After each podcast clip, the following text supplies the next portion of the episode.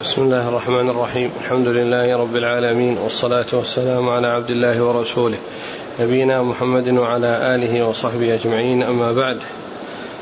قال وعن أنس رضي الله عنه أن النبي صلى الله عليه وسلم صلى الظهر والعصر والمغرب والعشاء ثم رقد رقدة بالمحصب ثم ركب إلى البيت فطاف به رواه البخاري. وعن عائشة رضي الله عنها أنها لم تكن تفعل ذلك أي النزول بالأبطح وتقول إنما نزله رسول الله صلى الله عليه وسلم لأنه كان منزلا أسمح لخروجه. رواه مسلم. بسم الله الرحمن الرحيم. الحمد لله رب العالمين وصلى الله وسلم وبارك على عبده ورسوله نبينا محمد وعلى آله وأصحابه أجمعين. ما بعد فهذان الحديثان يتعلقان بالنزول بالمحصب. والمحصب هو الأبطح. وقيل له المحصب لأنه فيه دقاق الحصبة يعني حصى يعني صغيرة. فلهذا يقال له المحصب ويقال له الأبطح.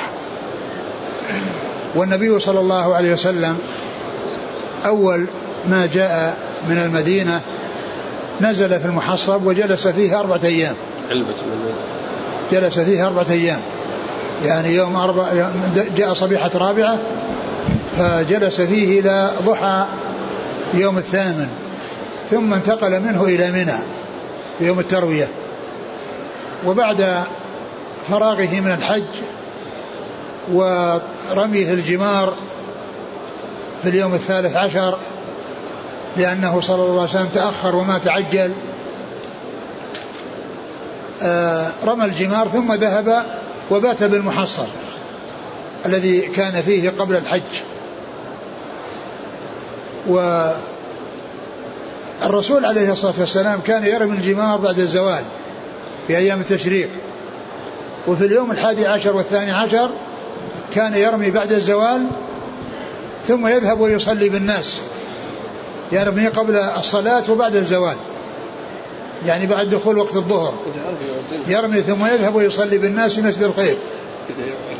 أما في اليوم الثالث عشر فإنه عليه الصلاة والسلام ارتحل. بعدما زالت الشمس ومر بالجمرات بعد الزوال.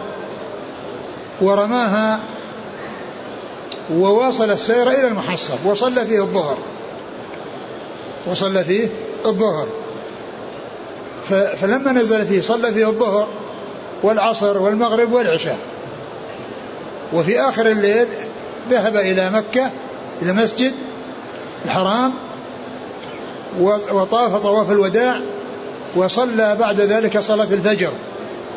صلى بالناس صلاة الفجر صلوات الله وسلامه وبركاته عليه ثم غادر مكة متجها إلى المدينة عليه الصلاة والسلام. هذان الحديثان يتعلقان بالمحصب هذا. هل النزول فيه سنة وأن الناس ينزلون فيه اتباعا للسنة أو أنهم لا ينزلون فيه لأن الرسول عليه الصلاة والسلام ما نزله من أجل أنه يشرع نزوله وأن هذا محل يستحب أن ينزل فيه الناس ينزل فيه الحجاج. وإنما كما جاء عن عائشة أنه كان أسمح لطريقة. يعني كان مكانا متسعا وكان أسمح لطريقه صلى الله عليه وسلم. فلهذا نزل فيه قبل قبل الحج أربعة أيام ونزل فيه بعد الحج ليلة يعني آآ آآ آآ بعد الزوال إلى الفجر إلى إلى قرب الفجر. من بعد الزوال إلى قرب الفجر لأنه صلى فيه الظهر والعصر والمغرب والعشاء. وفي آخر الليل نزل إلى المسجد وطاف طواف الوداع وصلى بالناس الفجر ثم انصرف ثم غادر عليه الصلاة والسلام مكة متجها إلى المدينة. صلوات الله وسلامه وبركاته عليه. وبعض أهل العلم قال إنه يستحب النزول فيه. وبعضهم قال إنه لا يستحب وإنما هو مكان اتفق له أن نزل فيه لأنه أسمح لطريقه وأسهل لطريقه. وهذا كان في ذلك الزمان. يعني الخلاف موجود في ذلك الزمان. أما هذا الزمان ما فيه مكان إلا بيوت. ما فيه إلا عمارات. ولا أحد ينزل فيه. ما يستطيع أحد ينزل فيه إلا إذا استأجر سكن يعني في ذلك المكان. والذي يظهر والله أعلم كما قالت عائشة رضي الله عنها أن النزوله فيه قبل الحج وبعده لم يكن سنة على الناس أن يفعلوها وإنما هو نزول اتفق له لأنه أيسر لأنه مكان واسع ولأنه أسمح لطريقه وأسهل لطريقه. صلوات الله وسلامه وبركاته عليه. إذا الأولى والأظهر أنه لا يستحب وإنما هو شيء اتفق له صلى الله عليه وسلم. ثم أيضا في هذا الزمان لا مجال يعني لا مجال للنزول فيه لأنه أصبح طرق وعمارات ولا يتيسر النزول فيه لأحد والقول بأنه ليس النزول فيه سنة هو الأقرب كما جاء ذلك عن عائشة رضي الله عنها. نعم. وعن ابن عباس رضي الله عنهما قال أمر الناس أن يكون آخر عهدهم بالبيت إلا أنه خفف عن الحائض متفق عليه. ثم ذكر هذا الحديث يتعلق بطواف الوداع وأن الحجاج عليهم أن يودعوا البيت عند مغادرتهم مكة بالطواف سبعة أشواط يكون آخر عهدهم البيت. وقد جاء في ذلك أدلة من هذا الحديث المتفق على صحته عن ابن عباس أن النبي عليه الصلاة والسلام قال أمر الناس أن يكون آخر عهدهم البيت إلا أنه خفف عن الحائض. فالحديث يدل على وجوب طواف الوداع من جهتين من جهة الأمر في أوله حيث قال أمر الناس. ومعلوم أن مثل هذه الصيغة إذا جاءت فالآمر للناس هو رسول الله صلى الله عليه وسلم. إذا قال الصحابي أمر الناس أو أمرنا بكذا أو نهينا عن كذا فالآمر لهم رسول الله عليه الصلاة والسلام. ومعلوم أن الله أن رسول عليه الصلاة والسلام مبلغ عن الله. يعني ليس هو الذي يأتي بالشرع من عنده وإنما هو من عند الله. وهو مبلغ عن الله. ولهذا جاء في أحاديث عديدة تدل على أن السنة هي من الله وليست من الرسول صلى الله عليه وسلم. قد قال الله عز وجل وما ينطق عن الهوى. إن هو إلا وحي يوحى. وما ينطق عن الهوى إن هو إلا وحي يوحى. والحديث الطويل الذي فيه كتاب أبي بكر إلى إلى أنس بن مالك في الصدقات وبيان مقادير الصدقات وأحكام الصدقات وهو في صحيح البخاري وغيره فيه أن في أوله قال هذه فرض الصدقة التي أمر الله بها رسوله صلى الله عليه وسلم. هذه فرض الصدقة التي أمر الله بها رسوله صلى الله عليه وسلم. ومعلوم أن هذا إنما هو في السنة ما جاء في القرآن هذا الكلام. يعني هذه هذه التفاصيل ليست في القرآن وإنما هي في السنة. فدلنا هذا على أن أن السنة هي من الله وأنها وحي من الله. إلا أن هذا الوحي لم يتعبد بتلاوته كما تعبد بتلاوة القرآن. لكنه متعبد بالعمل به كما كما هو كما هو شأن التعبد بالقرآن. فالقرآن والسنة كل منهما متعبد به والقرآن متعبد بتلاوته والسنة لا يتعبد بتلاوتها. فقوله في أول الحديث هذه فر الصدقة التي أمر الله بها رسوله صلى الله عليه وسلم. أمر الله بها رسوله عليه الصلاة والسلام. وكذلك الحديث الذي فيه ذكر الدين والشهيد الشهيد أنه يغفر له كل شيء ثم إنه بعد ذلك استثنى عليه الصلاة والسلام وقال إلا الدين. يعني أن الدين باق في ذمته وأن أهله يطالبونه به ويكون القصاص بين الناس بما يتعلق بالديون والحقوق التي عليهم. فقال عليه الصلاة والسلام إلا الدين. سارني به جبريل آنفا. يعني جاء جبريل وأوحى إليه الاستثناء أوحى إليه الاستثناء سارني به جبريل يعني كلام سر خفي فهذا يدل على أن أن السنة هي من الله. وأن الصحابي إذا قال أمرنا بكذا أو نهينا عن كذا فالآمر لهم رسول الله صلى الله عليه وسلم وهو مبلغ عن الله. وأما الرسول عليه الصلاة والسلام إذا قال أمرت بكذا فالآمر له هو الله. إذا قال الرسول عليه الصلاة والسلام أمرت أو نهيت فالآمر الناهي له هو الله عز وجل. والصحابة إذا قالوا أمرنا أو نهينا أو أمر الناس فالأمر لهم الرسول عليه الصلاة والسلام وهو مبلغ لأمر الله سبحانه وتعالى. فإذا في ذكر الأمر أمر ثم في آخره قال إلا أنه خفف عن الحائض إلا أنه خفف عن الحائض وهذا يدل على وجوبه.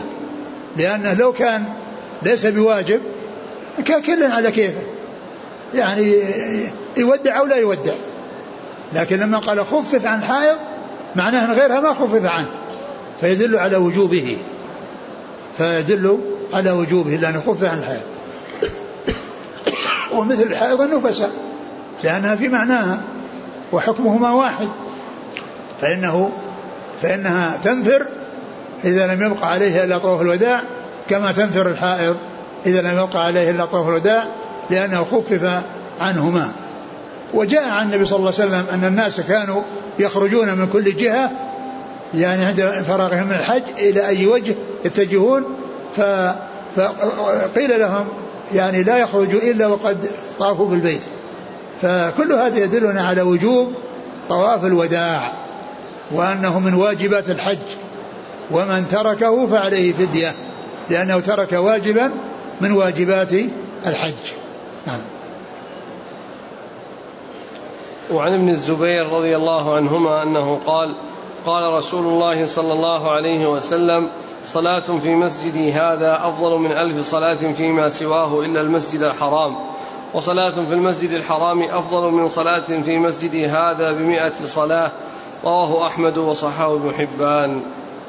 ثم ذكر هذا الحديث في نهاية هذا الباب يتعلق بالصلاة فضل الصلاة في المسجد الحرام والمسجد النبوي. فضل الصلاة في المسجد الحرام والمسجد النبوي.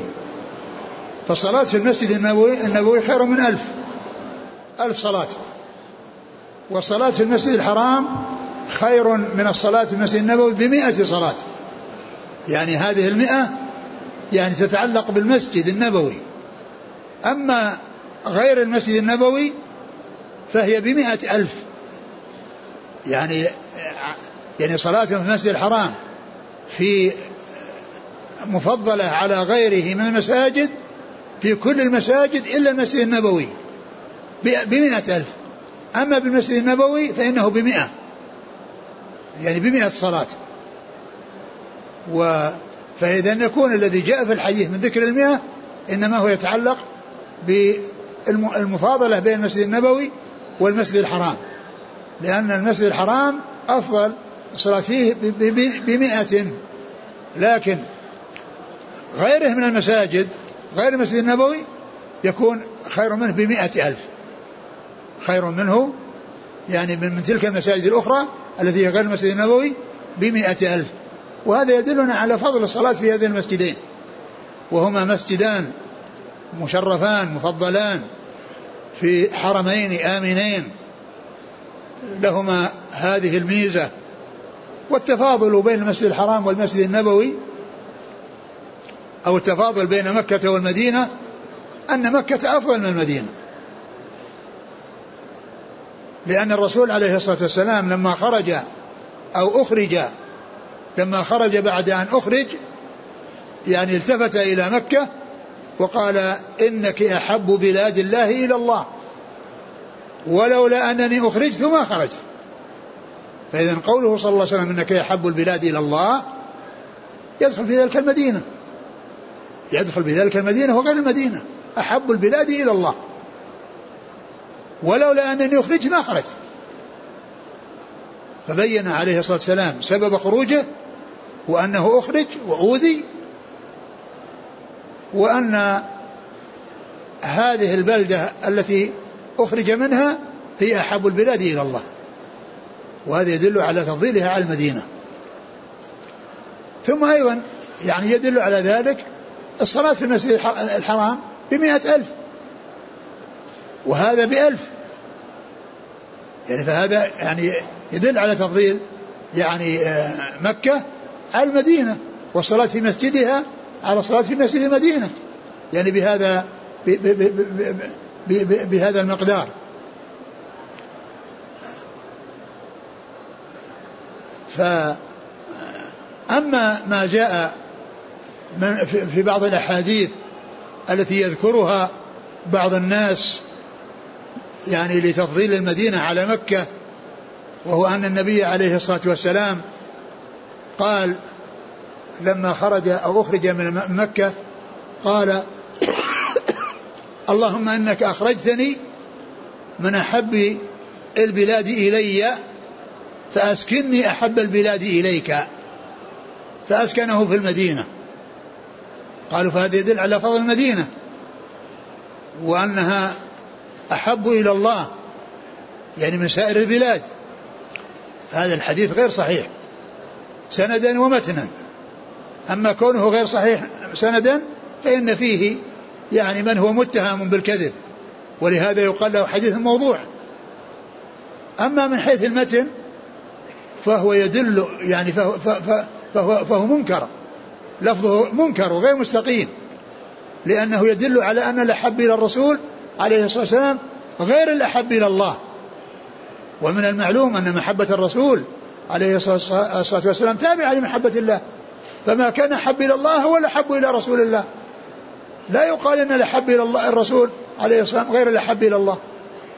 وإنما محبة الرسول عليه الصلاة والسلام تابعة لمحبة الله.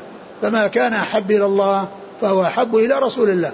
والحديث يدل على خلاف ذلك. اذا هو غير مستقيم سندا ومتنا. يعني غير صحيح ولكن الصحيح هو ذاك الحديث الذي قال فيه النبي عليه الصلاة والسلام إنك أحب بلاد الله إلى الله ولولا أنني أخرجت منك ما خرجت. نعم. ثم إن الصلاة في هذا المسجد وكذلك في المسجد الحرام هي للفرض والنفل. لأن الفريضة بألف فريضة والنافلة بألف نافلة.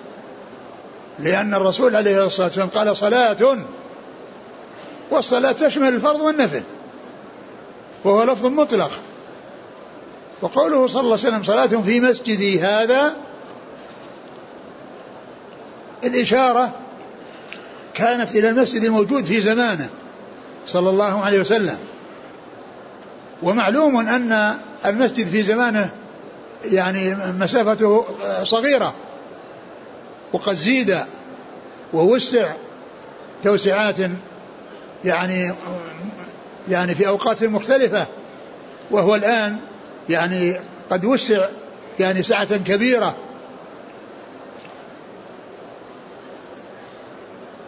لكن هل الزيادة لا حكم المزيد؟ أو أن التفضيل خاص بالبقعة؟ التي كانت مسجد صلى الله عليه وسلم وهي صغيرة جدا من العلماء من قال إنها خاصة بالبقعة التي كانت مسجد صلى الله عليه وسلم. ومنهم من قال إن كل ما زيد في المسجد ودخل تحت الأبواب وصار داخل الأسوار والأبواب فإنه يدخل تحت اسم مسجد الرسول صلى الله عليه وسلم. وأوضح دليل على هذا أن عمر وعثمان زاد المسجد من جهة الأمام من جهة القبلية. ومعلوم أن الإمام يصلي في الزيادة. والصفوف الأول ستة صفوف أو سبعة هي في الزيادة. وقد قال عليه الصلاة والسلام خير صفوف الرجال أولها وشرها آخرها. والصحابة ما أنكروا على على الخليفة الراشدين ذلك. فكان إجماعا. يعني معناه أن الزيادة لا حكم مزيد لأن الزيادة صارت من جهة القبلة والإمام في الزيادة. فلو كان أن الحكم قاصر على المسجد اللي في زمنه معناه الإمام ما يكون في المسجد والصفوف الأول ليست في المسجد. فلما يعني أقر الصحابة ذلك ولم ينكروا وكانوا يتسابقون إلى الصفوف الأول عرف بأن الزيادة لها حكم المزيد. وأن المسجد مهما وسع فإن فإنه يكون داخل تحت اسم مسجد صلى الله عليه وسلم. وتكون الصلاة في جميع ذلك خير من ألف صلاة. خير من ألف صلاة. يعني في الزيادة والمزيد. المزيد الذي هو المسجد في زمنه صلى الله عليه وسلم. والزيادة التوسعات التي حصلت التي حصلت له. فهذا أوضح دليل يستدل به على أن الأمر لا يكون مقصورا على المسجد الذي كان في زمنه صلى الله عليه وسلم وإنما الحكم للأصل وللفرع للزيادة والمزيد. كل ذلك يدخل تحت اسم مسجد صلى الله عليه وسلم والصلاة فيه تكون بألف بألف صلاة. نعم. قال رحمه الله تعالى باب الفوات والإحصار. عن ابن عباس رضي الله عنهما أنه قال قد أحصر رسول الله صلى الله عليه وسلم فحلق وجامع نساءه ونحر هديه حتى اعتمر عاما قابلا. رواه البخاري. ثم قال باب الفوات والإحصار. الفوات المقصود به فوات الحج. ما حصل إحصار وما منع من البيت ولكنه جاء متأخرا بعدما طلع الفجر ليلة العيد الذي ينتهي به الوقوف بعرفة وصل إلى عرفة بعدما طلع الفجر. وإذا طلع الفجر يوم عرفة يوم آه، النحر والإنسان لم يصل إلى عرفة فاته الحج لأن الحج له زمان الوقوف بعرفة له وقت محدد. من طلوع الفجر يوم عرفة إلى طلوع الفجر ليلة العيد. فمن لم يصل إلى عرفة إلا بعد طلوع الفجر ليلة العيد فاته الحج ما في مجال لأن يحج. لأن لأن الحج يفوت بفوات الوقوف بعرفة. يعني ما في وقوف بعد طلوع الفجر. فمن فاته الوقوف فاته الحج. أما غير الوقوف بعرفة فإنه لا يفوت. طواف الإفاضة وسعي بين الصفا والمروة لا يفوتان.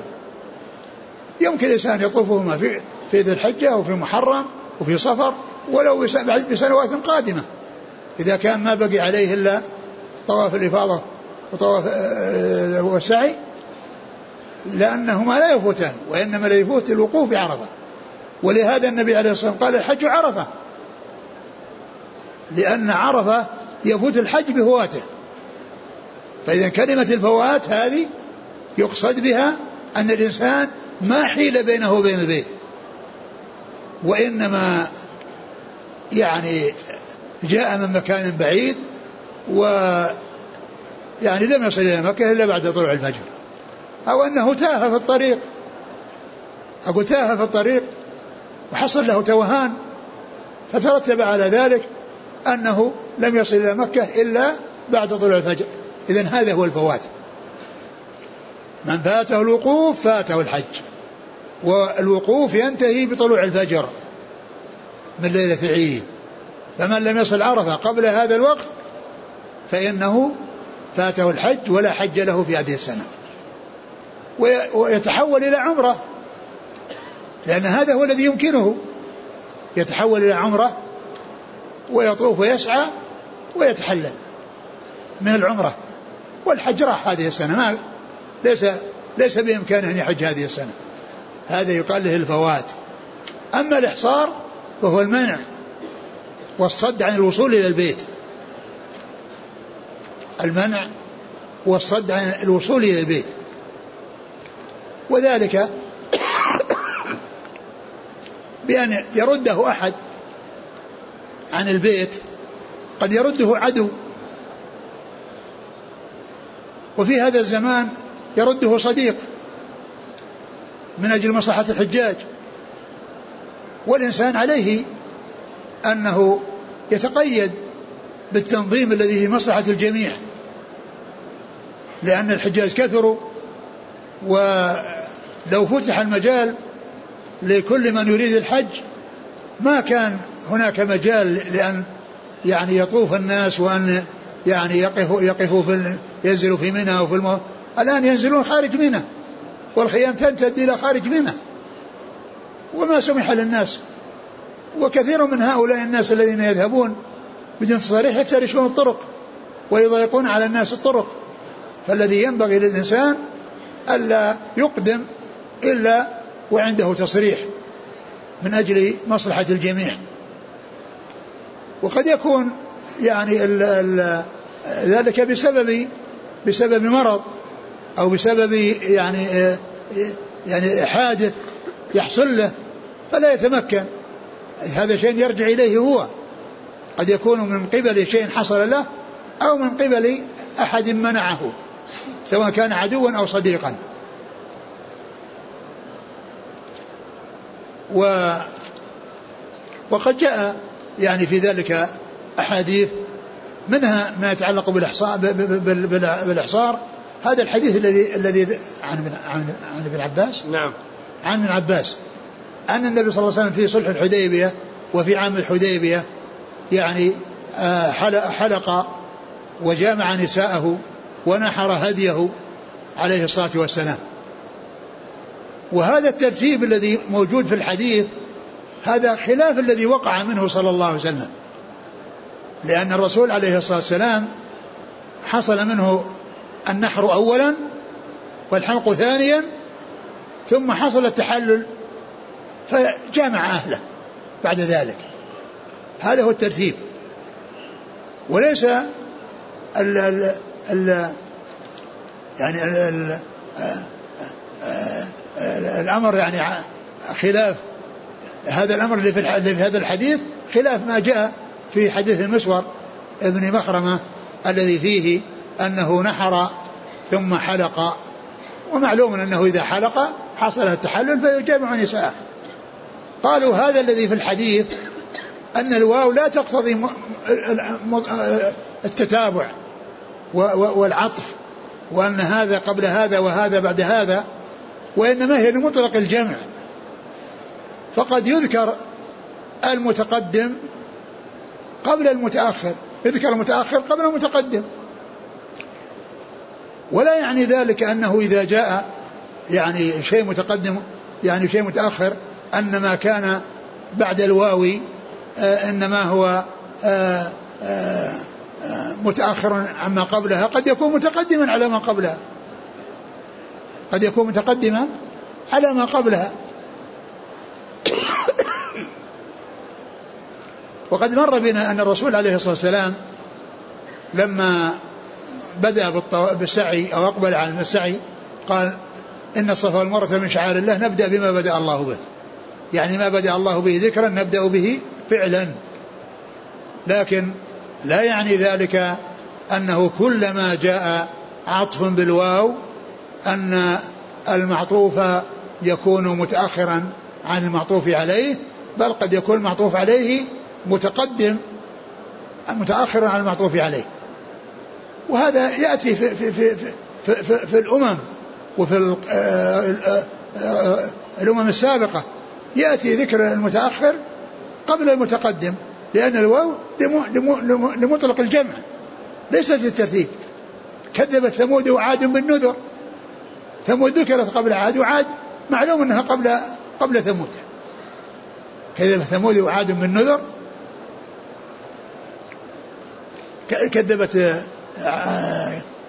كذب ثمود في سورة الحاقة. الحاقة ما الحاقة؟ كذب ثمود وعاد بالقارعة. ثمود وعاد قدم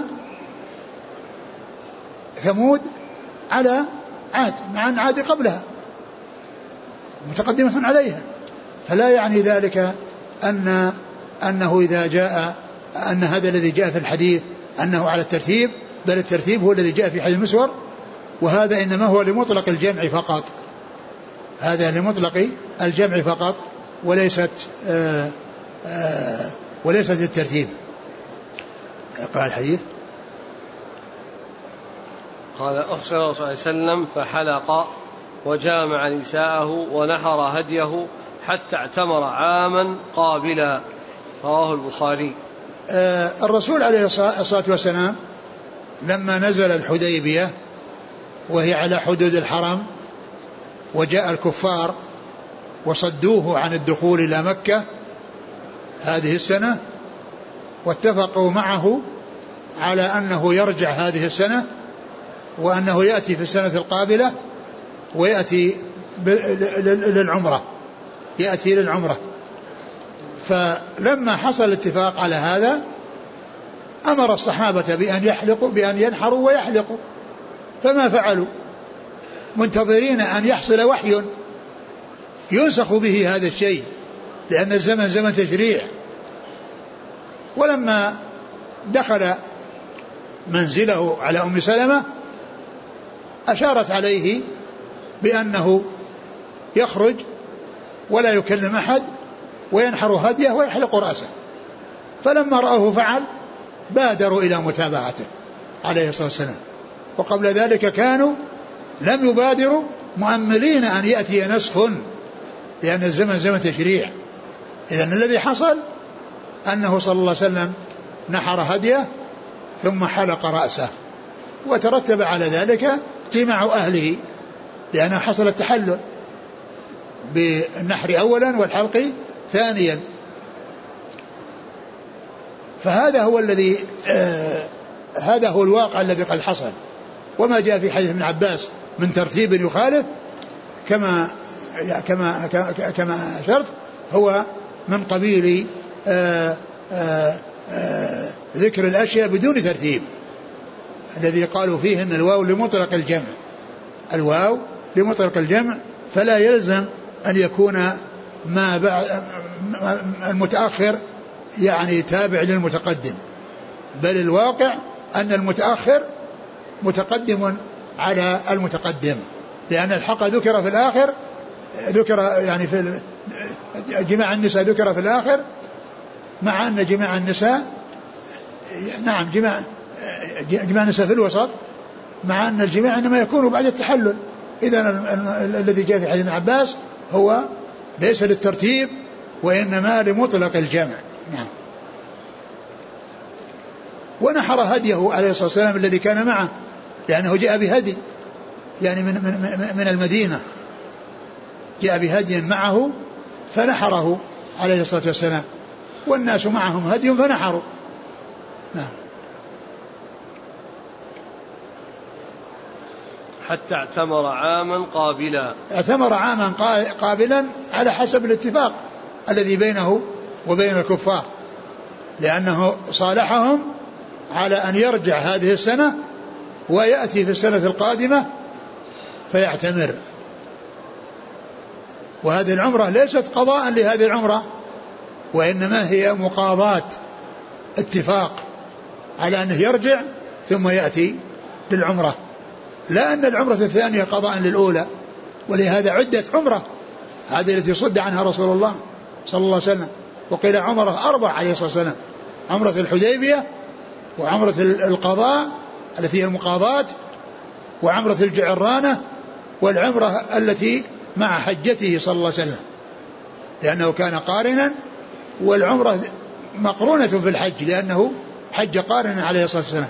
فهذه عمرة الأربع التي اعتمرها عليه الصلاة والسلام. وكلها في ذي القعدة. نعم. قال وعن عائشة رضي الله عنها أنها قالت دخل النبي صلى الله عليه وسلم على ضباعة بنت الزبير بن عبد المطلب رضي الله عنهما فقالت يا رسول الله إني أريد الحج وأنا شاكية. فقال النبي صلى الله عليه وسلم حجي واشترطي أن محلي حيث حبستني. متفق عليه.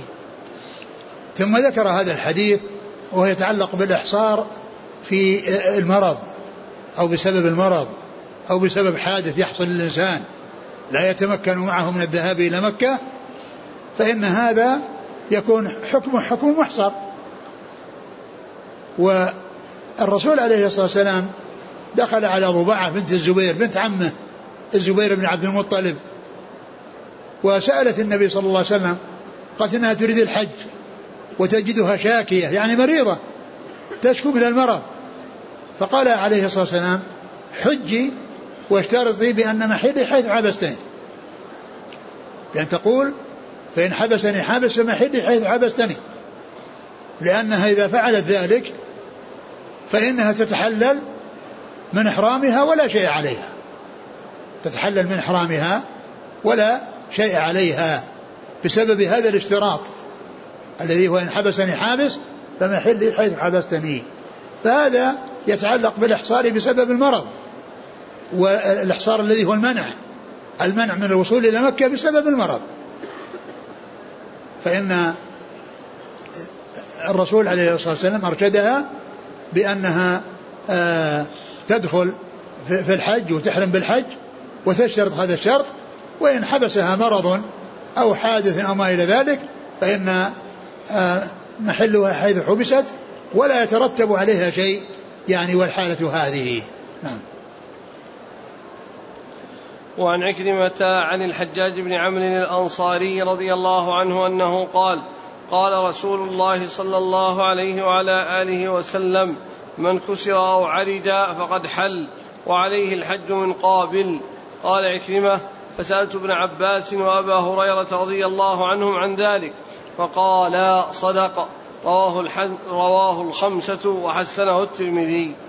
ثم ذكر هذا الحديث وهو يتعلق بالإحصار بسبب حادث كون حصل له كسر أو حصل له عرج عرج يعني بسبب حادث لا يستطيع معه الذهاب إلى مكة فإنه فإنه يحل فإنه يحل. ولكن عليه هدي عليه فد عليه هدي لأن الله عز وجل قال فإن أحسرتم فما استيسر من الهدي. فما استيسر من الهدي. و ويحج من من قابل يعني إذا كان عليه فرض. إذا كان عليه فرض. أما بالنسبة للنفل فمن العلماء من قال أيضا أنه يأتي به ومنهم من قال لا يأتي به. لأنه يؤتى بالشيء الذي لا بد منه الذي هو الفرض سواء كان حج الفريضة أو نذر. فإنه عليه أن يفي بنذره. وعليه أن يأتي بما أوجبه الله عليه. ولا يكفي أنه نوى الحج وأنه حيل بينه وبينه بسبب الكسر أو بسبب العرج أو بسبب المرض بل إن ذلك باق في ذمته. بل إن ذلك باق في ذمته وعليه أن يأتي بالذي فرض الله عليه. ما يعتبر حج حج الفريضة لأنه حيل بينه حيل بينه وبين ذلك بسبب المرض أو بسبب الكسر أو بسبب الحادث. الذي حصل له. فإذا لزوم الحج في المستقبل إنما هو في حق المفترض الذي الفريضة في ذمته أو آه، النذر الذي ألزم نفسه به هذا هو الذي عليه أن يأتي به. أما إذا كان تطوعا فبعض أهل قال إنه يأتي به وبعضهم قال إنه لا يأتي به. والأظهر أنه لا يأتي به إلا إذا كان مفترضا أو آه، سواء آه، حجة الإسلام أو حجة نذر يجب الوفاء به. لقوله صلى الله عليه وسلم من نذر أن يطيع الله فليطعه. نعم. انتهى؟ نعم. والله تعالى أعلم وصلى الله وسلم وبارك على عبده ورسوله نبينا محمد وعلى آله وأصحابه أجمعين. جزاكم الله خيرا وبارك الله فيكم والهمكم الله الصواب وفقكم للحق شافاكم الله وعافاكم ونفعنا الله ما سمعنا غفر الله لنا ولكم وللمسلمين أجمعين آمين, آمين. غدا تكون القراءة من الكتاب. نعم. غدا إن شاء الله القراءة من الكتاب. ما نقرأ بكتاب معين وإنما نأتي بموضوع نتكلم عليه ثم نجيب على الأسئلة. يقول السائل أحسن الله إليكم هل للعمرة هدي؟ العمرة ليس فيها هدي لكن الإنسان إذا اعتمر إذا إذا إذا أهدى تطوعا فله ذلك. فإن كان في معتمر ولا يريد الحج وإنما يعتمر ويرجع ومعه هدي يذبحه إذا أنهى عمرته. أما إذا كان معتمر متمتع يعني سيحج بعد العمرة فإن عليه أن يدخل الحج على العمرة ويصير قارنا لأن لأن الهدي يعني فيما يتعلق بالحج لا يذبح حتى يبلغ محله وهو يوم العيد. أما من كان معتمرا ولا علاقة له بالحج يذبح عند انتهاء عمرته. وأما إذا كان يؤدي النسك الذي هو أحد الأنساك الثلاثة وهو التمتع فإن أحرم بالعمرة ومعه هدي ساقه فإنه يدخل الحج على العمرة ويصير قارنا حتى يكون ذبحه ذبح هديه يوم العيد. هل يمكن أن يقال أن من سنن العمرة الهدي. ما جاء شيء يدل على هذا؟ ما جاء شيء يدل على أن أن الإنسان يهدي. لكن الهدي كما هو معلوم سواء يعني آه، اعتمر أو أرسله. لأن الرسول صلى الله عليه وسلم كان يرسل الهدي وهو في المدينة ويذبح ويوزع في مكة. يقول هل كل من كان مع النبي صلى الله عليه وسلم عام الحديبية كان معه الهدي؟ الله أعلم لكن آه، ليس ببعيد أن يكون أن أن يكون بعضهم ليس معه معه هدي.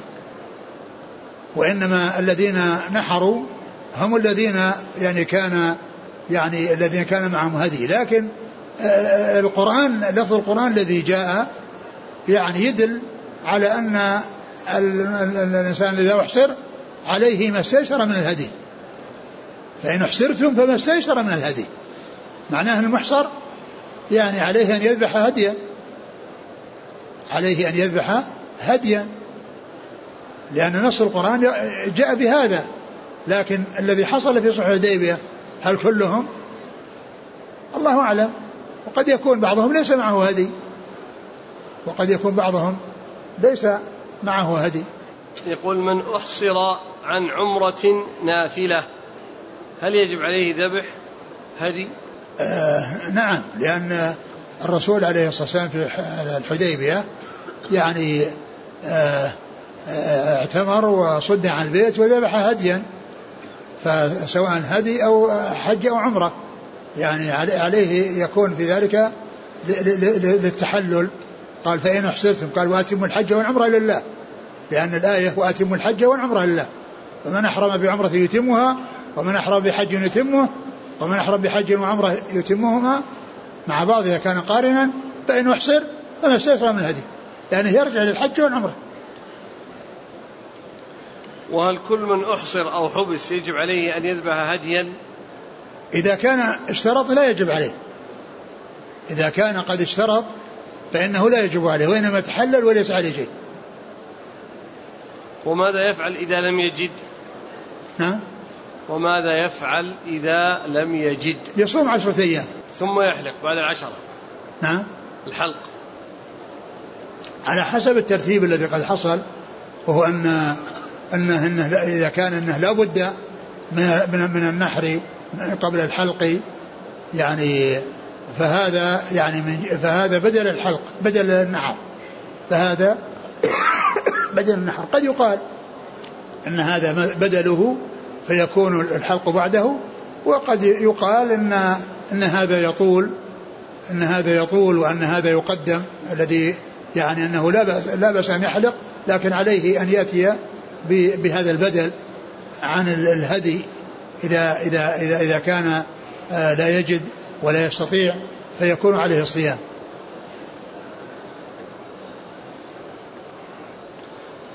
يقول هل يج هل يجزئ في الأضاحي المخصي؟ نعم يجزي. المخصي يعني آه الموجوء الذي قطعت خصيتاه. نعم يجزي. بل آه بل إنهم يعني آه يجاؤونه يعني ويقطعون خصيتين من أجل السمن. من أجل يكون في سمن. بخلاف الفحل فإنه قد يضعفه. يعني آه، النزوع. على يعني على الإناث. ولهذا يعني يحصل خصي آه، الفحل من أجل أنه يستسمن لأنه لا يحصل منه نزو وإنما يأكل ويستفيد من من في اللحم والشحم. يقول ما الدليل على أن من ترك واجبا ولم يستطع الدم أنه ينتقل إلى صوم عشرة أيام؟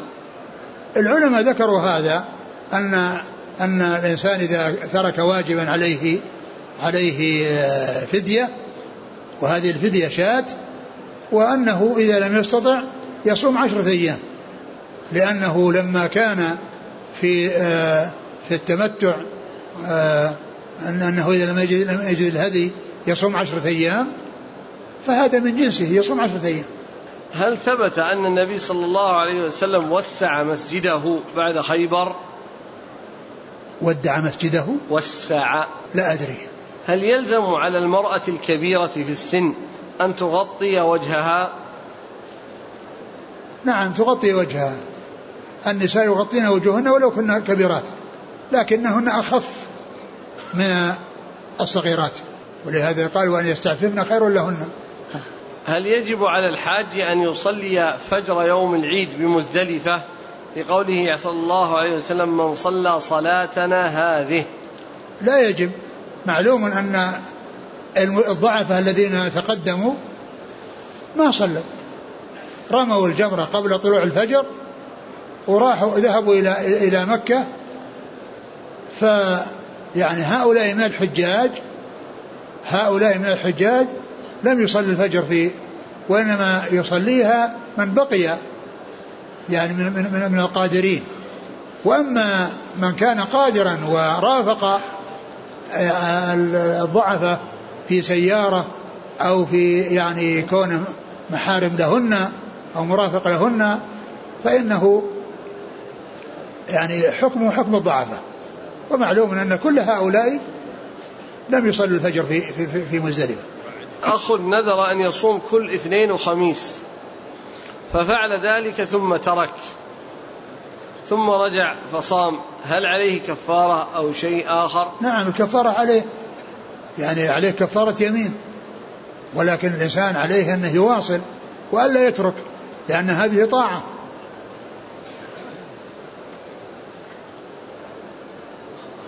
هل كفارات الحج على الترتيب أو التخيير؟ كفارات الحج المتعلقة بالأذى هي يعني على التخيير. لأن الله عز وجل قال ففدية من صيام أو صدقة أو نسك. ففدية من صيام أو صدقة أو نسك. فهذا يعني مخير بين هذه الأمور الثلاثة. مخير يعني بين هذه الأمور الثلاثة. فهذه الكفارة التي تكون مكونة من عدة أشياء جاء فيها التخيير في القرآن وكذلك في السنة عن رسول الله صلى الله عليه وسلم. إذا أطلق الدم في كلام الفقهاء فماذا يعنون؟ يعنون؟ يعنون به أقل شيء شاة أو سبع بدنة أو سبع بقرة. يقول يؤمر حجاجنا في بلدنا بالفدية العامة بعد قضاء الحج. فما هذه الفدية وما هي أحكامها؟ إيش؟ يؤمر حجاجنا في بلادنا بالفدية العامة. من يأمرهم؟ من الآمر؟ يعني الذي يأمرهم هذا جاهل. هذا جهل ليس في فدية عامة. الإنسان يؤدي الحج كما شرع الله وليس عليه فدية. يعني ليس عليه فدية. وما جاء شيء يدل على ذلك. نعم من ترك واجبا عليه فدية. من ترك واجبا فعليه فدية. وكذلك فدية التي تكون بسبب الأذى واللبس يعني التي هي آه، فدية من طعام أو صدقة أو نسك. يعني هذا هو الذي جاء. أما كون إنسان وأن الحجاج آه، كل واحد منهم يخرج فدية عامة لا لا نعلم ذلك أصلا ولا أساسا. هل الطفل غير البالغ إذا حج مع والديه له هدي خاص به؟ نعم يعامل يعامل الطفل مثل مثل الكبير إذا كان حج به متمتعا أو قارنا عليه كما على كما على الكبير. من حج متمتعا وترك الهدي جاهلا هل يلزمه هدي ولو بعد عام؟ نعم إذا كان جاهلا فإنه يلزمه وإن كان غير مستطيع يصوم. يقول في الحجة الماضية دفعت ثمن الهدي إلى جزار بمكة مع العلم بأن الثمن أخذ مني نصف ثمن البنك ومن خلال تصرفاته أنا أشك في أنه ذبح عني الهدي. هل هذه السنة أذبح هدي هديين؟ والله إذا كان إذا كان أنه يغلب على ظنك أنه أولا أنك جاهل ما تعرفه ثم أيضا تقول أنه يعني على النصف من من من من, من الهدي الذي يكون يعني عن طريق البنك اللي أقرت بالدولة فالذي ينبغي لك أنك تأتي بالهدي وأن عليك هدي تذبح هديين هذه السنة. هدي عن العام الماضي وهدي عن هذه السنة. ما حكم قراءة القرآن على الميت بعد دفنه؟ لا لا نعلم شيئا يدل على ذلك. لا نعلم شيئا يدل على ذلك. وإنما الذي جاء يعني عند الموت وجاء في حديث ضعيف. الحديث اقرأوا على موتاكم ياسين. اقرأوا على موتاكم ياسين هذا حديث ضعيف. وليس المقصود القراءة عليه وهو ميت وإنما لو صح فإنه المراد به إذا كان محتضرا وقريبا من الموت لأنه قد يطلق على من قرب الموت أنه ميت. كما جاء في حديث آخر صحيح لقنوا موتاكم لا إله إلا الله لأن التلقين وهو حي ما يكون بعد الموت. يعني في آخر حياته وهو محتضر يعني ما خرجت روحه يلقن قال لا إله إلا الله. قال عليه الصلاة لقنوا موتاكم. فأطلق على من قارب الموت أنه ميت. أطلق لأن لأن لأنه لا يلقن بعد الموت وإنما التلقين في الحياة قبل الموت حتى يكون آخر كلام من الدنيا لا إله إلا الله. لأنه جاء في في في, في بعض روايات الحديث لقنوا موتاكم لا إله إلا الله فإنه من كان آخر كلام من الدنيا لا إله إلا الله دخل الجنة. فإنه من كان آخر كلام من الدنيا لا إله إلا الله دخل الجنة. فقال آخر كلامه من الدنيا. يعني ما يلقن في الحياة. وعلى هذا فقد أطلق على من قارب الموت أنه ميت. من قارب الموت. كما قيل للمغرب إنها وتر النهار. مع أن المغرب في الليل وليست في النهار. المغرب من صلوات الليل وليست من صلوات النهار.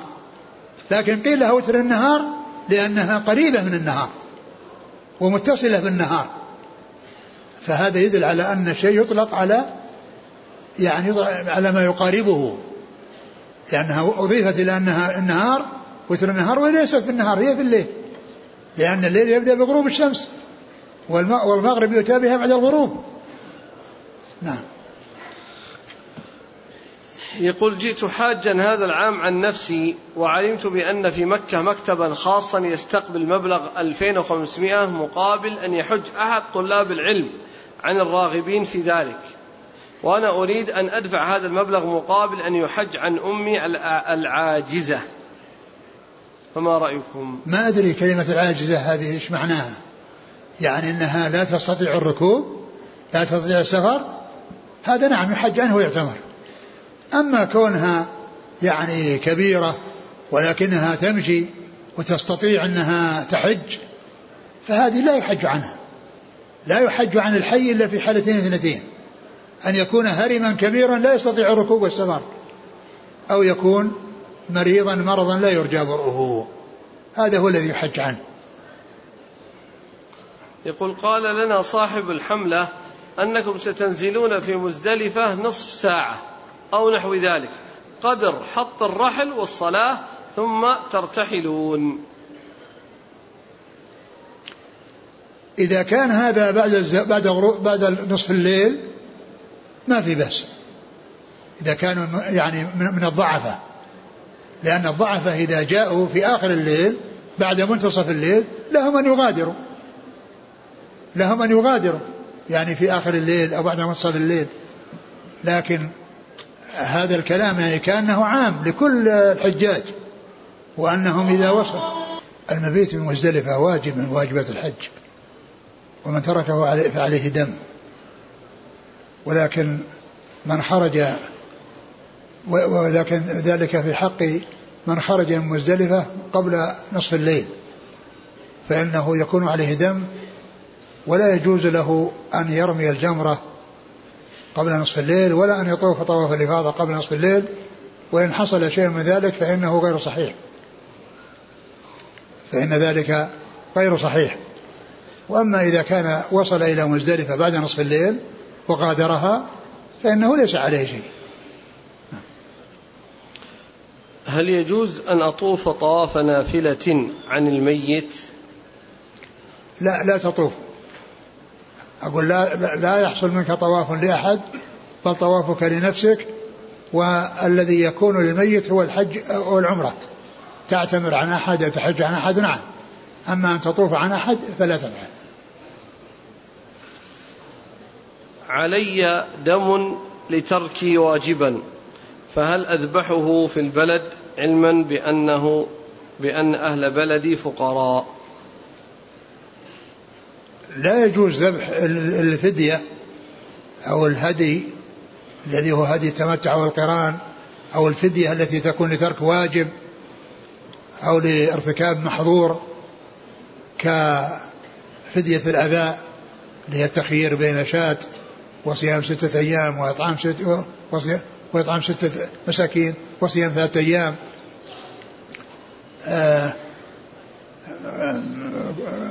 كل هدي أو إطعام وكذلك الفدية إنما هو يذبح في الحرم ولا يذبح في غيره. هذا يقول بأنه قد ذبح في البلد ظنا منه أنه يجزئ. يعيد يعيد الذبح. لا يجزئه وعليه أن يذبح بمكة.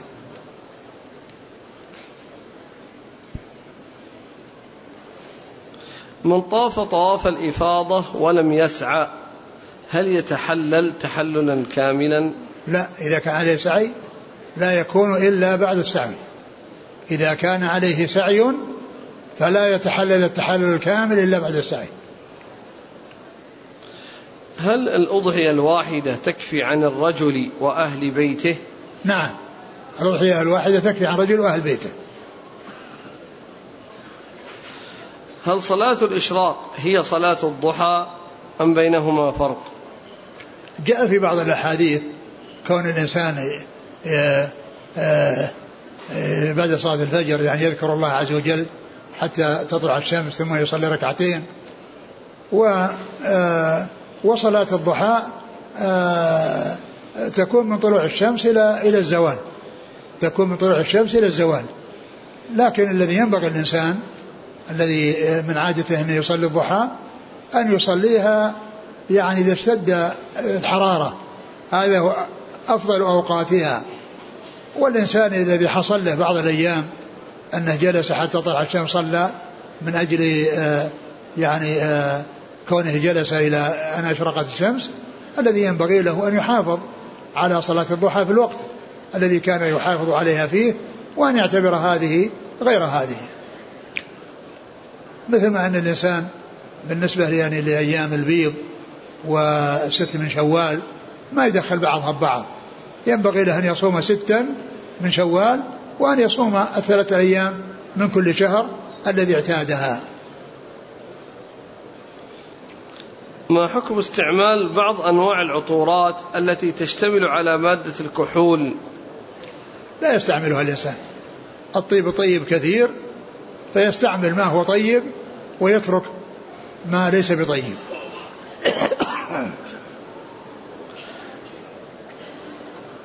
ما الواجب أن نفعله خلف إمام يقنت في صلاة الصبح يوميا سرا؟ صلوا صلوا وراءه. لا تتركوا الصلاة لا تترك الصلاة وراءه.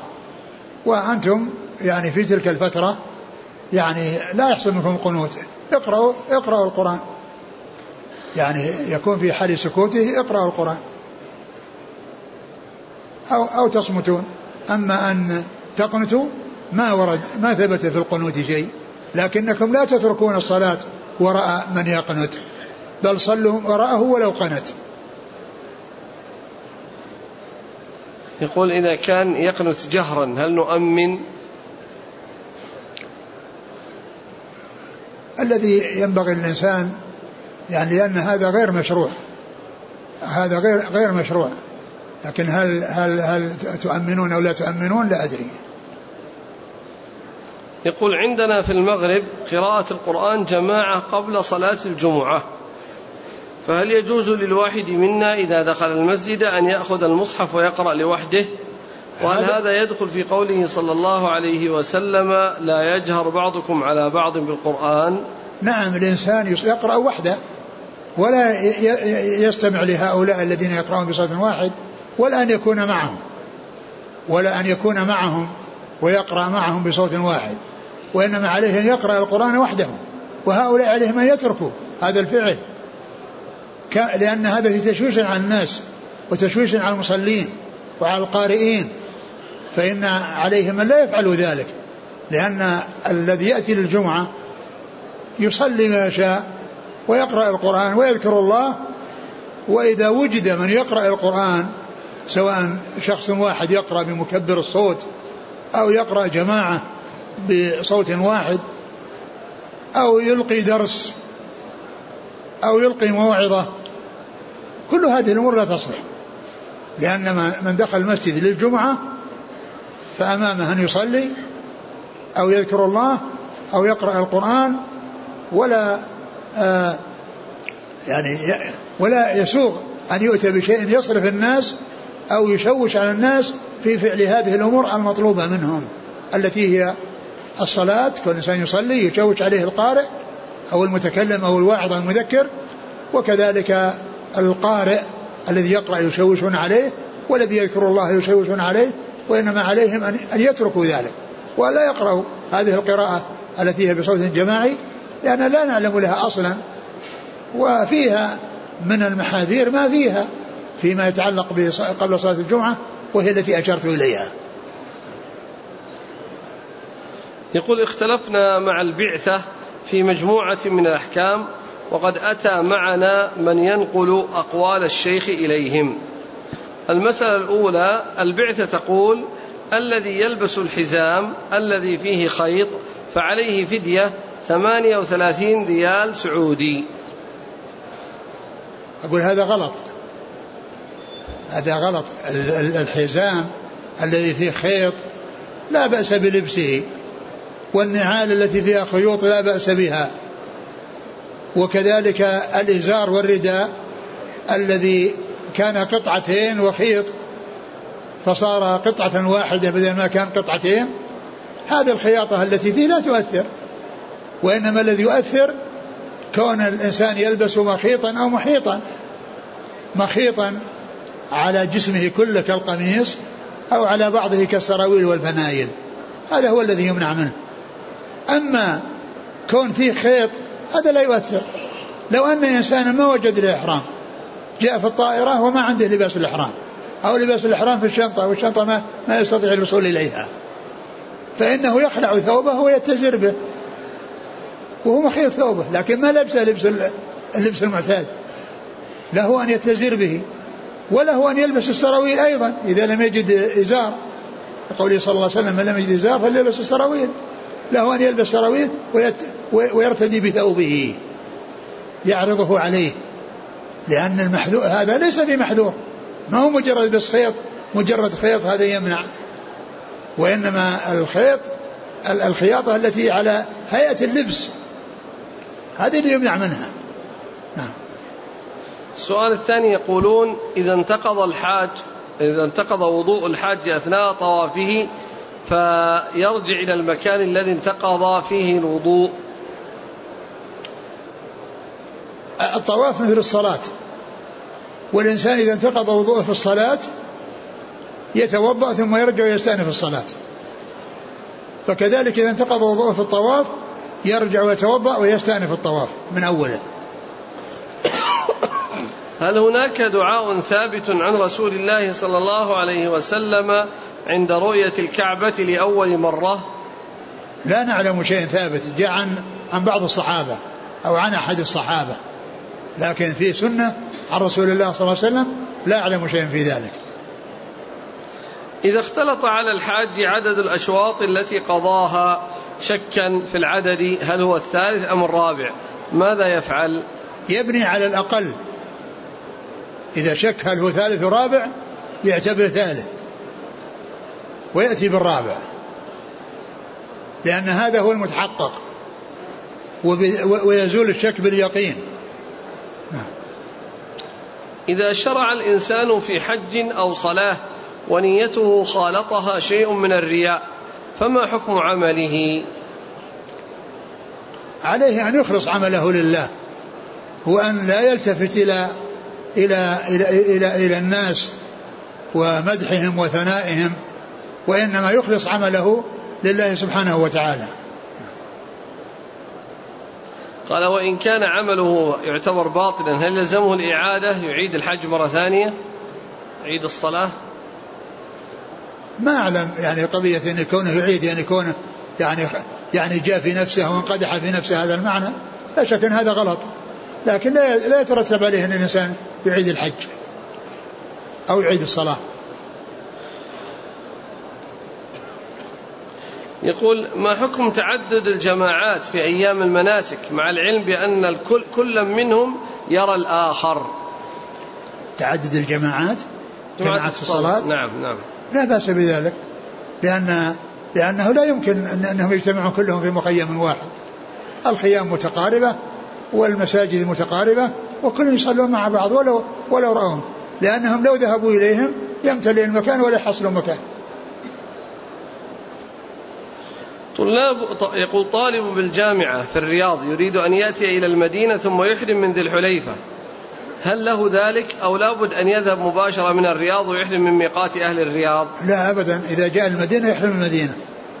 إذا جاء المدينة وذهب إلى مكة للعمرة أو الحج يحرم من ميقات أهل المدينة لأن النبي صلى الله عليه وسلم قال هن لهن ولمن أتى عليهن من غير أهلهن ممن أراد الحج والعمرة.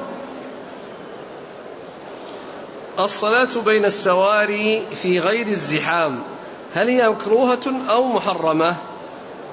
هو لا شك فيها قطع للصفوف وقطع الصفوف يعني آه يعني لا لا يسوق وإنما يجب أن تكون الصفوف متصلة. فإذا كان آه السواري آه امتلأت الصفوف المتصلة فيجوز أن يصلى بين السواري لكن لا يصلي وحده بين السواري. لازم يكون اثنين فأكثر لأنه لو صلى وحده يكون فذ. والإنسان لا يصلي وحده فذا خلف الصف. فالحاصل أن السواري إذا كان إذا كان آه، هناك حاجة إليها لا بأس. وإن كان لم يكن لها حاجة بأن يكون الصفوف المتصلة يعني موجودة ولكنه قصر. فإذا صلى ومعه أكثر من واحد يصح لكنهم يأثمون لقطع الصفوف ولعدم وصل الصفوف. يقول حلق الشعر الذي على الوجنتين هل يدخل في تحريم حلقه مثل اللحية؟ الإنسان لا يتعرض لشعر اللحية يعني سواء كانت على العارضين أو متصلة بالعارضين لأن الموس إذا جاء اللحية يستأصلها ويقضي عليها. فالإنسان يتركها ويترك الشعر الذي على لحيته على وجهه سواء كان يعني على العارضين أو ما اتصل بالعارضين. كل ذلك يتركه الإنسان.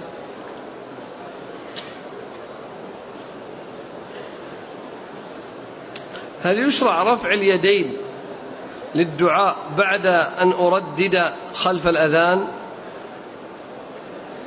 والله ما أعلم شيء يمنعه ولا شيء يثبته.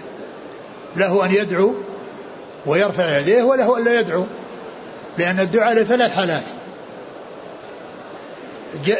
دعاء جاء في رفع اليدين مثل عرفة ويعني وغيرها وشيء جاء ما في وشيء لم يأتي في رفع اليدين.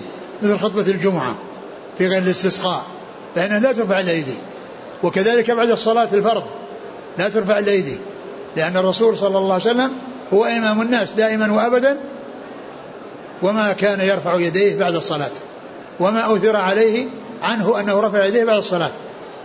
أما ما لم يأتي فيه آه مشروعية الرفع أو ما يدل على المنع فالأمر في ذلك واسع له أن يرفع وله أن لا يرفع. ما حكم طواف الوداع بالنسبة للعمرة؟ ليس بواجب ولكن ينبغي الإنسان ويستحب الإنسان أن يطوف.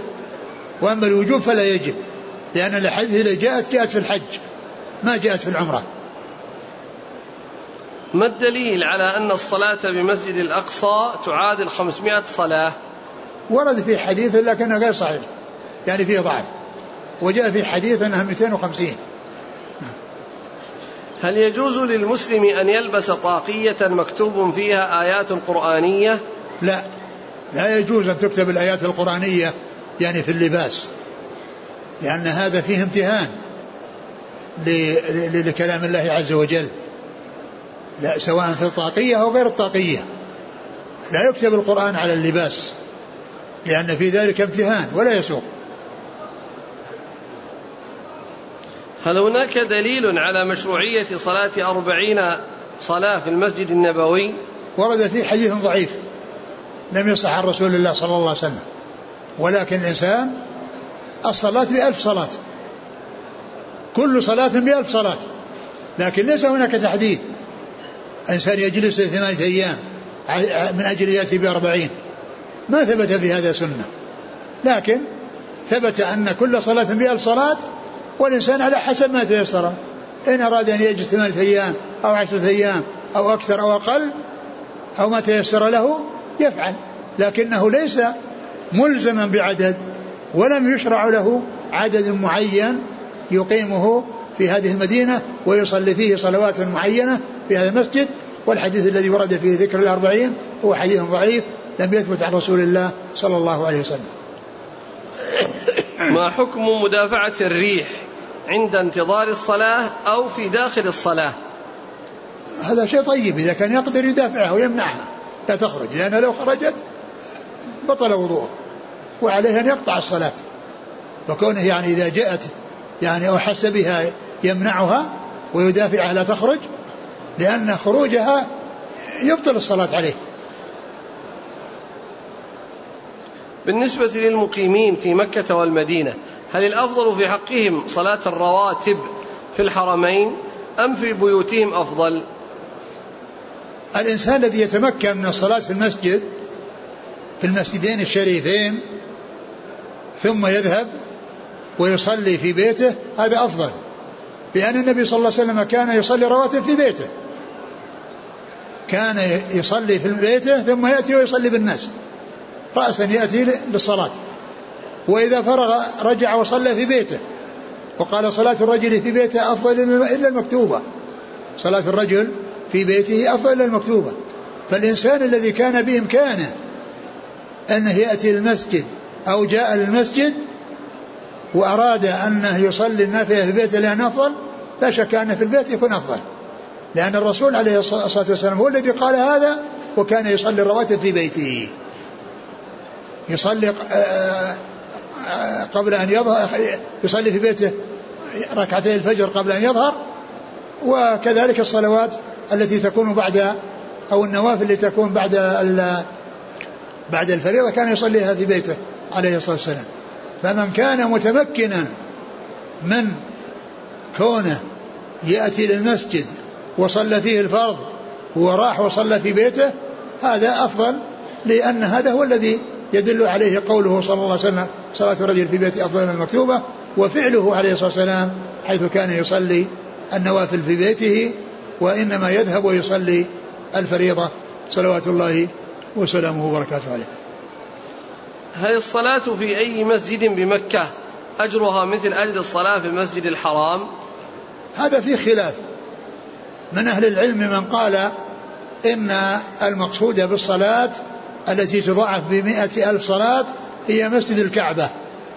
الذي يعني آه الذي محيط بالكعبة. من العلماء من قال ذلك.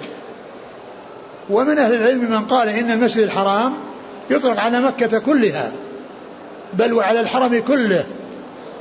ويقولون إن إن إن إن الصلاة تضاعف في المسجد الذي محيط بالكعبة وفي غيره من مكة. لكن معلوم أن هناك فرق بين من يأتي إلى الكعبة ويطوف بها ويصلي حولها ومن يصلي في أماكن من مكة. كما أن هناك فرق بين الصف الأول وبين الذي يصلي في الشارع بصلاة الإمام. الذي يصلي بالشارع لأن المسجد امتلأ وهو جاء متأخر وصلى فإن هذا بينه وبين هذا فرق. يقول كثير من الناس الذين يأتون إلى المدينة يقولون بأنهم يرتاحون في المدينة نفسيا أكثر من ارتياحهم بمكة هل هذه المقولة تؤثر على إيمان؟ أبدا ما تؤثر. كل إنسان يرتاح في بلد أكثر مما يرتاح في بلد لكن لا يفضل يقول هذا أفضل من هذا. لا يقول أن المدينة أفضل من مكة ولكن كل إنسان يرتاح فيها نعم قد يرتاح فيها. لكن لا, لا ليس له أن يقول أنها أفضل من, مكة. لأن الحديث ورد بأن مكة أفضل مدينة كما ذكرت ذلك في أول الدرس حيث قال عليه الصلاة والسلام لما خرج لما أخرج في الهجرة قال إنك أحب بلاد الله إلى الله ولولا أنني أخرجت منكم ما خرجت. قاعدة الزيادة لها حكم المزيد. ألا تنسحب على مسجد نمرة؟ مسجد نمرة كما هو معلوم. يعني آه أي مسجد لو وسع أي مسجد لو وسع يقال إنه هو المسجد الفلاني. فمسجد نمرة يعني لو وسع نعم يقال إنه في مسجد نمرة وأنه صلى وأنه صلى مع الإمام بصلاة الإمام في نفس المسجد.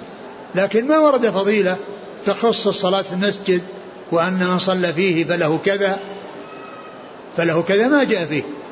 لكن فيه أن الإمام أو نائب الإمام يعني يصلي يصلي بالناس وكذلك يذكرهم قبل قبل صلاة الظهر والعصر بخطبة يبين فيها أحكام الحج وما يتعلق بالحج. وكل مسجد إذا وسع يقال أنه مسجد. يعني ليس المسجد القديم الذي كان أولا يكون هو المسجد فقط بل بل كلما وسع المسجد أي مسجد يعتبر هو ذلك المسجد والزيادة لا حكم المزيد هو يريد آه، المكوث فيه حتى غروب الشمس. آه، فيما يتعلق ب يعني مسجد نمرة بعضه من عرفة وبعضه ليس من عرفة ولهذا مكتوب عليه في أثنائه أو في جانبه حدود عرفة. فالإنسان إذا كان في المقدمة يتأخر لا يبقى في المقدمة. لأن المقدمة ليست من عرفة والمؤخرة من عرفة.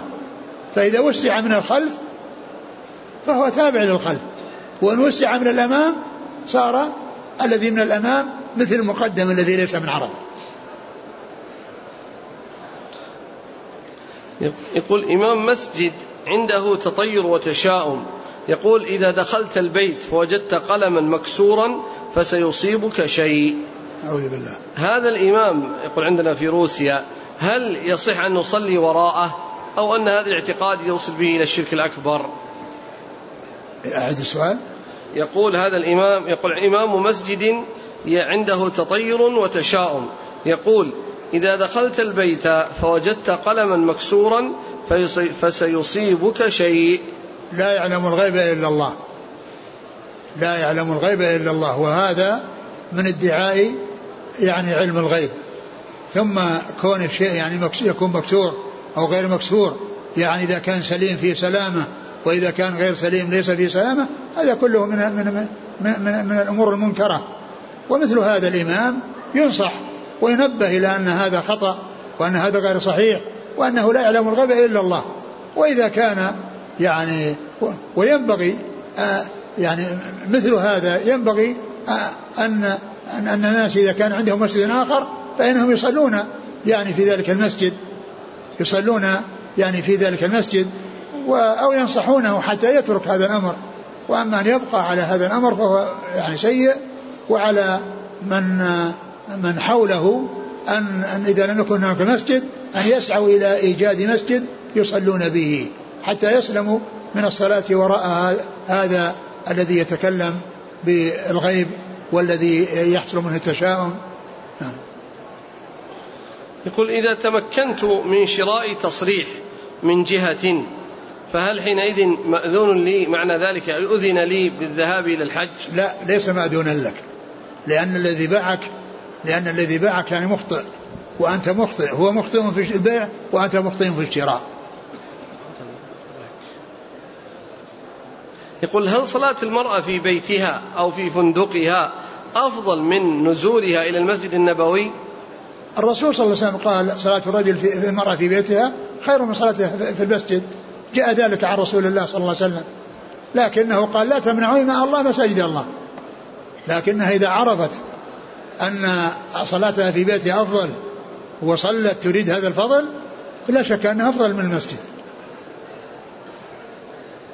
يقول في بعض كتب الفقه يقولون إن المحصر إذا لم يجد الهدي أو كان عاجزا عن الهدي فإنه لا يتحلل حتى يصوم عشرة أيام. هل هناك دليل يدل والله ما أدري والله ما أعرف.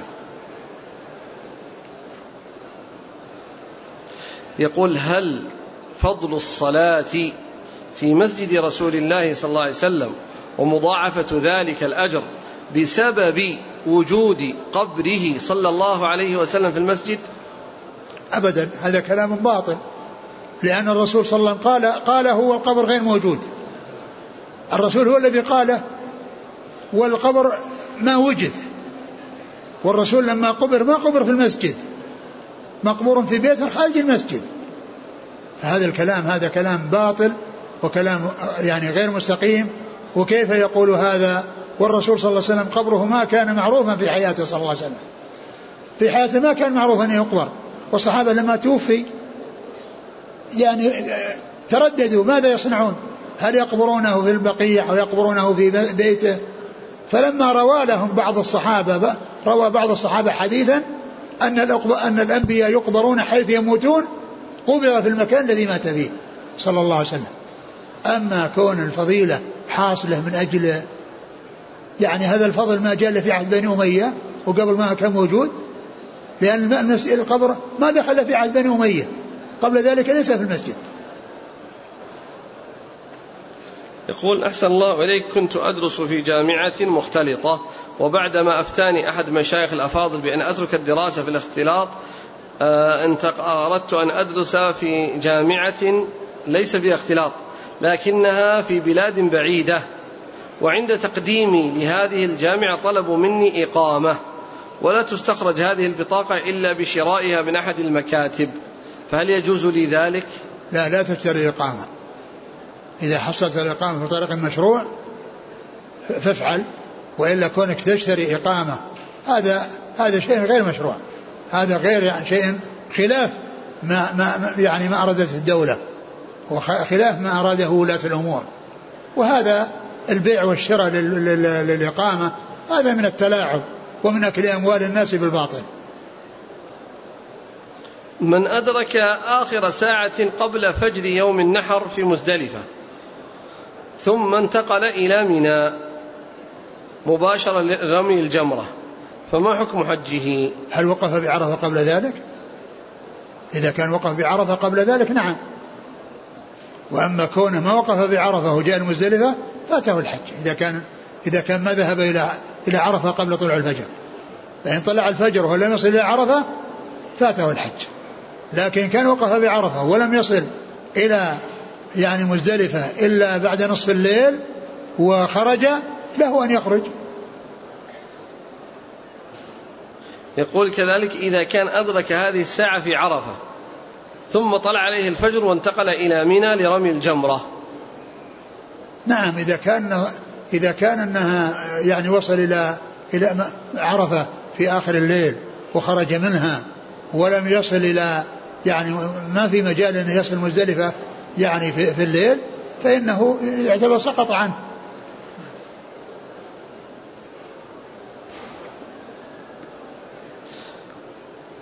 يقول هل صحيح هذا هذا مثل هذا مثل الإنسان الذي يحبسه يعني آه، لا يصل إلى مزدلفة بسبب حبس الطريق.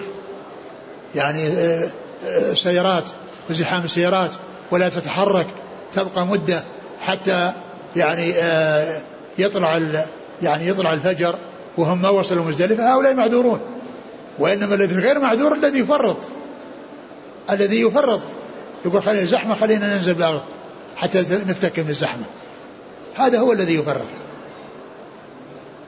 يقول هل صحيح القول المنسوب إلى النبي صلى الله عليه وسلم عن هذا المسجد قال هذا مسجدي ولو بلغ صنعاء. لا ما صح. لم يصح. هل يجوز أن أؤخر صيام الثلاث أيام التي في الحج مع السبعة عندما أرجع إلى أهلي إذا لم أجد الهدي؟ ليس لك أن تؤخرها.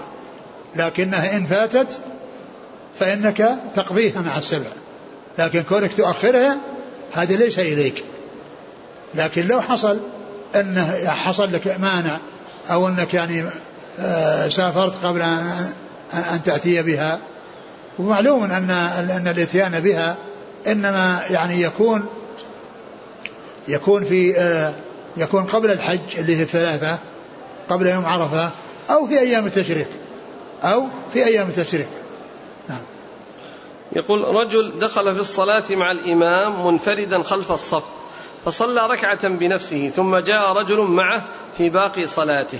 فما حكم الركعة الأولى التي صلاها خلف الصف فذا هذا يصح لأن هذا مثل الذي ركع خلف قبل الصف ثم ثم تابع حتى دخل في الصف.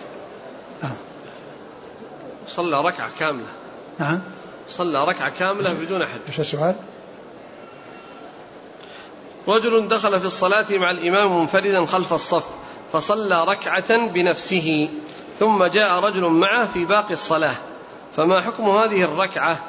هل هو, هو فيما يتعلق بالنسبة للصلاة المنفرد خلف الصف آآ آه، آآ آه، كونه يصلي وحده. لكن إذا كان أن, أن, حصل منه أنها يعني آه، دخل في الصلاة دخل في الصلاة ولم يعني آه، وهو وحده.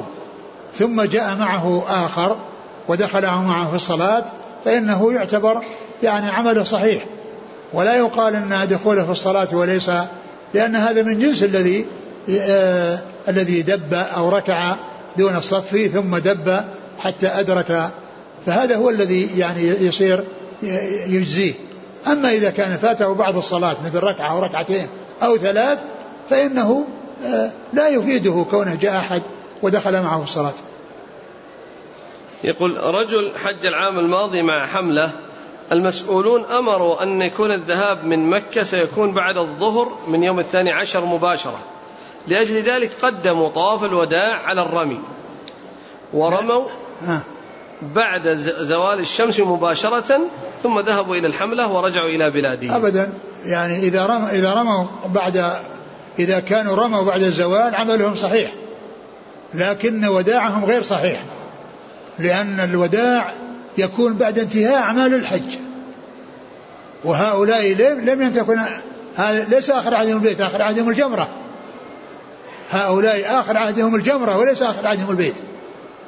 فلا يصح منهم هذا الوداع وعليهم فدية إذا كانوا لم يطوفوا مرة أخرى بعد رمي الجمار. والله أعلم وصلى الله وسلم وبارك على عبده ورسوله سيدنا محمد وعلى آله وصحبه أجمعين.